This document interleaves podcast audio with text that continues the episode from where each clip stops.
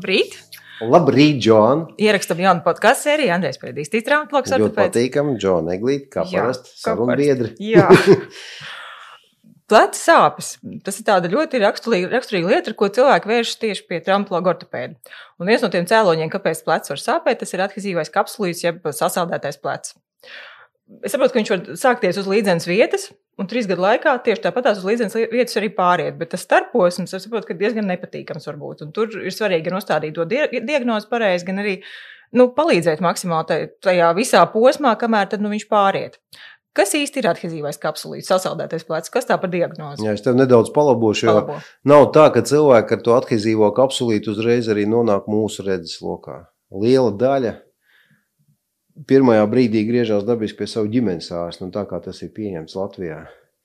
Sūdzā, sūdzoties par sāpēm plecā, bieži vien pacienti tiek nosūtīti pie neiroloģa, jo to mēs zinām, ka sāpes plecā mēdz būt saistīts ar mugurkaula kakla daļas problēmām.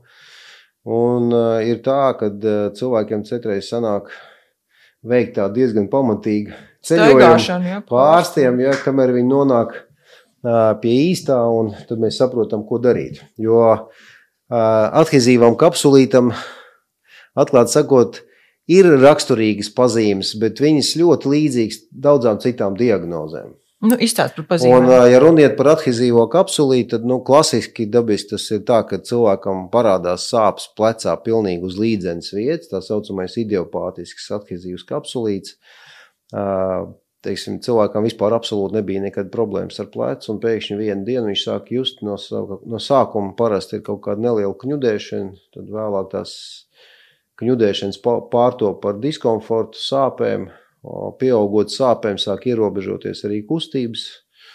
Tas ir nākamais posms, jā, faktiski šīs slimības attīstībā, un tad uh, negulētās naktis, sāpīgas kustības, ļoti dažādi pēc intensitātes, ļoti dažādi pēc izpausmēm, jā, bet tomēr uh, tas ir diezgan mokoši un traucējo, traucē, un uh, faktiski tam cilvēkam tas dzīves komforts pazūd. Tīpaši, ja tā ir dominējošā roka, ar kuru cilvēks, teiksim, tīra zobus, ēd un dara savas ikdienišķas lietas.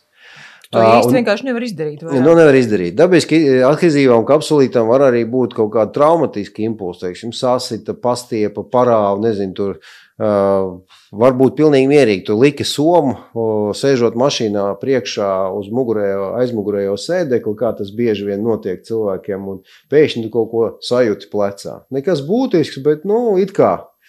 Un bieži vien tas beigās, nu, visbieži vien, bet nu, tas var arī faktiski kļūt par impulsu kaut kam, jo mēs jau visi esam veidot no kauliem, mīkstiem audiem un uh, veicot kustību locītavā. Uh, dabiski mēs varam kaut kādā veidā saspiest starp kauliem, pastiept, paplēst uh, kādu mazu struktūras daļiņu, tur tādā pleca locītavā. Tā var būt saitīta, tā var būt locītavas kapsula. Tā var būt uh, kaut kāda gļotas somiņa, kas ir blakus. Un tas, teiksim, var pēkšņi kaut kādā brīdī sākt iekaist tik tālu, kad veicina visu to adhezīvo kapsulītu un tā tālāk. Bet klasiski dabiski adhezīvais kapsulīts ir locītavas kapsulas iekaisums. Lai skaidrs būtu, kas ir locītavas kapsula, tad jebkura locītava mūsu ķermenī, viena no svarīgākām sastāvdaļām ir locītavas kapsula. Tad kaulu gali, kas savā starpā veido locītavu, ir no visām pusēm aptverta ar kapsulu. Un tā ir saistāvda diezgan tāda blīva plēve, kas ā, norobežo locītavas iekšējo telpu no apkārtējiem audiem. Tā tad nav saskarsmes starp iekšējo locītavas telpu un ārējiem audiem. Un tas ir ļoti būtiski, jā, jo teiksim, tā ir pilnīgi izolēta vide. Es runāju par locītavām. Ja nedod Dievs, notiek tas kontakts ar ārpusi un iekšpusi, tad bieži vien tas priekšlocītavs beidzās diezgan bēdīgi. Uh, Bet tā ir tāda teorija, ka mēs varam runāt līdz pašam rītam, un uh, tur, tur jau ir jāzina kaut ko vairāk no anatomijas, no fizioloģijas, no bioķīmijas, pat arī tik tālu. Uh, Tātad, uh, runājot par to adhezīvo kapsulītu, tad uh, kapsula kļūst ar vien biezāka. Uh, Viņa var kļūt, teiksim, no, ja viņa ir normāli, teiksim, kāda 3 mm bieza, tad viņa var palikt savu pat līdz pat centimetram un vairāk. Un kļūstot biezākā, viņa kļūst arī mazāk staipīgāka. Viņa nav vairs tik elastīga. Tad tās Un- kustības. Nu, būtiskā nozīmē augšdelma kauls pieaug pie lāpstiņas lēnām. Tu nevari viņu dabūt nost. Un visas kustības, kas pleca, plecā notiek, viņas notiek nevis uz pleca locītavas rēķina, bet uz lāpstiņas rēķina. Tātad faktiski nepaceļot plecu visu, tu nevari veikt kustību. Un tas ir tād pie tādām, nu, jau advancētām situācijām, kad uh, tās kustības ir maksimāli ierobežotas. Ārējā rotācija, pleca locītavā pazūd pilnīgi. Cilvēks nevar parotēt roku uz ārā. Es nerunāju vispār par kaut kādām lielākām amplitūdām. Tā tas ir. Un tas viss ir kopā ar sāpēm, tāpēc, ka kapsula ir iekaisusi. Viņi, faktiski visi audi, kas ir pleca locītavā, ja tu vari diferencēt, atšķirt teiksim, cīpslu no cīpslas, tur nezinu, locīt, tad tas viss kopā pie šādas adhezīvā kapsulītes savu kopā un kļūst par vienu tādu vienu monolītu konglomerātu. Tā tas ir. Un tas iemesls tiešām ir tāds. Iemesls ir, redziet, iemesli ir daudz un dažādi teorijas, kāpēc tas veidojas, bet tā līdz galam arī neviens nezina. Un visi pētījumi, kas ir veikti līdz šim, nav simtprocentīgi pierādījuši vienu vai otru variantu ar to iemeslu. Tad, tad Varbūt iemesls saistīts ar to pašu traumu. Teici, jā, trauma, jā, jā. Trauma. Tas var būt ir pat tāda bakteriālā teorija, ka tur audos kapsulā. Tāpat kā teiksim, pie gastrītiem, mēs zinām, ka ir slikts baktērijas. Jā, jau, jā tad, kad ir baktērija, kas izraisa iekaisumu 12 pirkstu zarnā, zarnas gļotādā, tad līdzīgi baktērija specifiski varētu arī dzīvot mums pleca locītavas kapsulā. Es domāju, ka mēs vēl daudz ko nezinām par mikropasauli. Iespējams, ka tas tā arī ir, bet no tā simtprocentīgi pierādīts tas nav. Tāpēc arī jā, atsevišķās klīnikās ir protokoli, kur arī nozīmē antibakteriālo terapiju pie adhezīviem kapsulītiem. Mēs to nedarām. Un tāpēc arī ir tas, tā, ka nav pierādījumu. Jā, nav pierādījumu, nav līdz galam zināms, kāpēc. Un tāpēc arī nav tāda vienota kaut kāda nu, priekšraksta protokola, kādā veidā mums galu galā ārstēt adhezīvo kapsulīti. Vienkārši ievērojot mieru un gaidot tos trīs gadus, ko tu nosauc pats. No nu, trīs gadi var būt ekstremāli, bet es domāju, ka nu, divi stabili varētu būt. Jā, un vairāk pētījumu to pierāda un tā. Bet uh, tas process, tās sāpes, viņas bieži mēdz būt tik mokošas, ka cilvēkiem reāli nu, vienkārši tā dzīve ir stipri sabojāta. Bet es saprotu, ka tas ir tāds posms, pēc tam tas pāriet, ka tās sāpes vairāk nav, un ir nākamais posms, ka vispār ir vienkārši nekustīgi šī locītava. Tas ir viens no šīs slimības etapiem, teiksim, Jā. attīstības etapiem. Pirmais ir sāpes, sākās iekaisums, sāpes pieaug, parādās kustība ierobežojums, lēnām pieaugot kustību ierobežojumu, mazinoties iekaisumam, mazinās arī sāpes, un tad plecs paliek vienkārši stīvs. Un tad nākamais posms ir tās kustība atjaunošanās, mazinās kapsulas tūs, ka viņi paliek plānāk un lēnām, lēnām tās kustības atjaunojas. Bet viņas neatjaunojas pilnīgi. Tas nav iespējams bez fizioterapijas. Tāpēc Jā. ir ļoti svarīgi teiksim, panākt to, lai pie attīstīvā kapsulīta plecs ir nesāpīgs. Un tad brīdī, kad viņš ir nesāpīgs, tad var sākt fizioterapiju, vingrot. Un uh, tikai vingrojot, var iztaipīt to kapsulu ātrāk nekā to darēt, darīt, teiksim, vienkārši ja gaidot dabiskā ceļā. Kurā brīdī tu parasti pie tevis nokļūst tie cilvēki? Tu saki, ka absolūti. Nē, nu tad, kad jau ir kustība ierobežojums. Tas jau ir tas, jā, tas, tas, ir tas posms, kad ir sāpes, jā, teiksim. Un, atklāt sakot, to diagnozu uzstādīt ir diezgan grūti, tikai pēdējos gadus tā riktīgi sāk atpazīt, teiksim, magnētiskā rezonansē, jo bieži vien pie athizīviem kapsulītiem magnētiskā rezonanse izskatās pilnīgi normāli. Tātad vispār nav nekas, tev raksta, ka pleci ir ok. Nu, tur kaut kādas nianses, bet nu, nekas tāds būtisks. Bet uh, arī tāpat arī sonogrāfiski var šo diagnozi uzstādīt, bet galvenais ir tomēr anamnēze. Tātad cilvēkam ir raksturīgas pazīmes, un uh, anamnēze un apskata. Un tās ir divas lietas, kas faktiski to diagnozi ļauj rakstīt papīrā, izrakstos. Nākamais dabīs tas tiek apstiprināts veicot izmeklējumus, sonogrāfiju, magnētiskā rezonanse. To var arī neveikt, vai, vai tomēr? Nē, nu, to vēlams tomēr darīt. To mēs nezinām, ja varbūt cilvēkam attīstības kapsulīts, viņš ir posttraumatisks, teiksim, arī mēdz būt tā, ka tev ir plīsuši rotatori un pēc tam pievienojas attīstības kapsulīts. Tas ir pavisam slikti. Ja tev it kā būtu jāoperē un jā, jāšuj atpakaļ tie rotatori, kas ir noplīsuši, bet Un to sarežģīja teiksim, tas adhezīvais kapsulīts. Un bieži vien ir, ir jāizlemj par labu tā adhezīvā kapsulīta ārstēšanai no sākuma un tikai pēc tam vērsties pēc tiem rotatoriem. tādas lietas arī mēdz būt.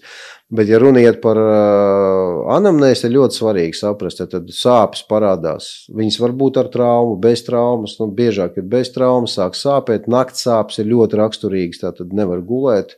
Uh, Tad nākamais parādās diezgan izteikts kustību ierobežojums, ārējā rotācija. Tas ir tāds klasisks moments roku. Nu, to principā speciālistiem ir jāpaņem roka savās rokās, pacienta roka un jāpakustina, lai saprastu, ka, nu, redz, viss tās jau parasti pacients, nu, cik daudz jūs varat pacelt. Viņš uz lāpstiņas rēķina tev pacelt kaut cik, jā, liekas, ka, bet tā pa īstam, kad nofiksē to lāpstiņu un mēģina to roku dabūt nos no lāpstiņas, tur kustība ir nezinu, 10-15% no normāla apjoma.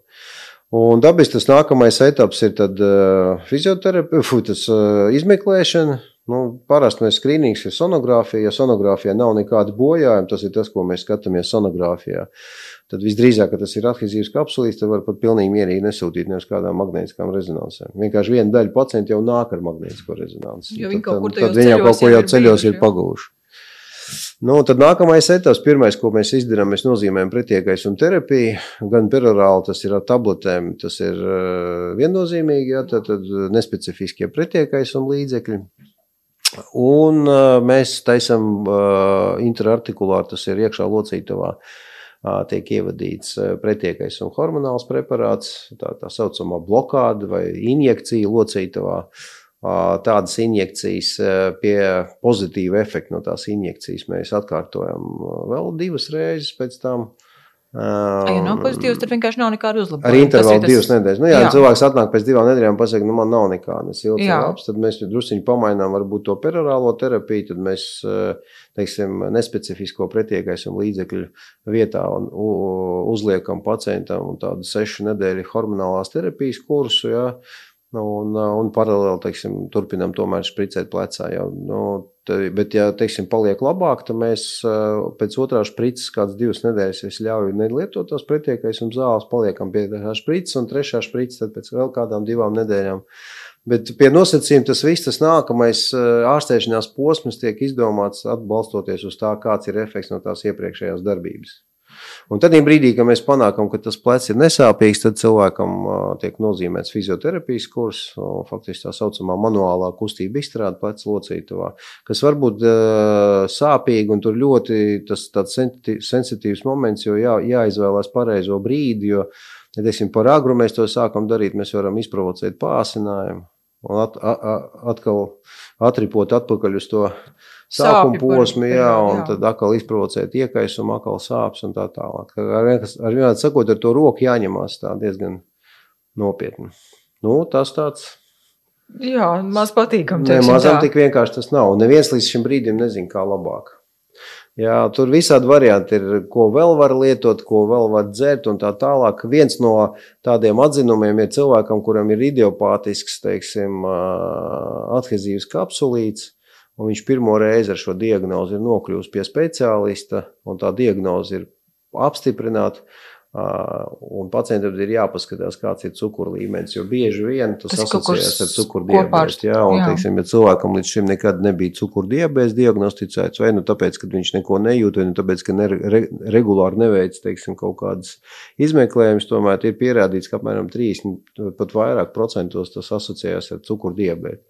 Tā kā noteikti jāpārbauda, ir nav. Vai adhezijas kapsulītes var provocēt arī kaut kādas citas saslimšanas tajā plecā? Vai Nē. viņš ir vienkārši pats par sevi, viņš ir un nu, viņš pāriet? Viņš, tā, viņš neko tādu sliktu vairāk neiet. Pats, vairāk neko neiet. Viņš sabojā dzīvi diezgan pamatīgi. pamatīgi laiku. Un tie tiešām ir trīs gadi, kad šitā te tā kā stāsts. Nu, nē, tās trīs gadus es atklātu, tas, ir tas ir grāmatās, bet jā. uh, dzīvē tas parasti nu, daudz mazāk. Nu, ja mēs sākam ārstēt, tad mēs to varam panākt, teiksim, nezinu, pusgadu laikā, pat ātrāk. Nu, ir tādi, kur ļoti labi ātri progresē. Jā.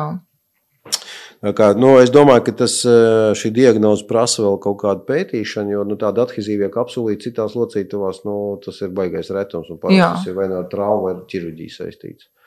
Bet plecam tas ir diezgan. Nu, es praktiski katru nedēļu redzu. Es lasīju, ka tie ir 70% ir tieši sievietes, un kur pēc 40%. Tas tā reāli ārsta kabinetā arī ir šādi, vai tomēr? Nu, tā tīri, jā, pēc pieredzes, pēc savas personīgās, var pateikt, lielākoties tās ir sievietes. Ir kaut kāds profilaktisks, ko var darīt? Pie tādām traumām to var izprovocēt, teiksim, ar ilgstošu imobilizāciju. Plecā. Tas ir viens ar neadekvātu pretieku, pretsāpju terapiju, jo, teiksim, cilvēkam sāp plecs un viņam tāpēc ir ļoti svarīgi laicīgi visu to skatīties, darīt un tā neilgi garumā. Nu, tas tā jau laimīgi paveicās.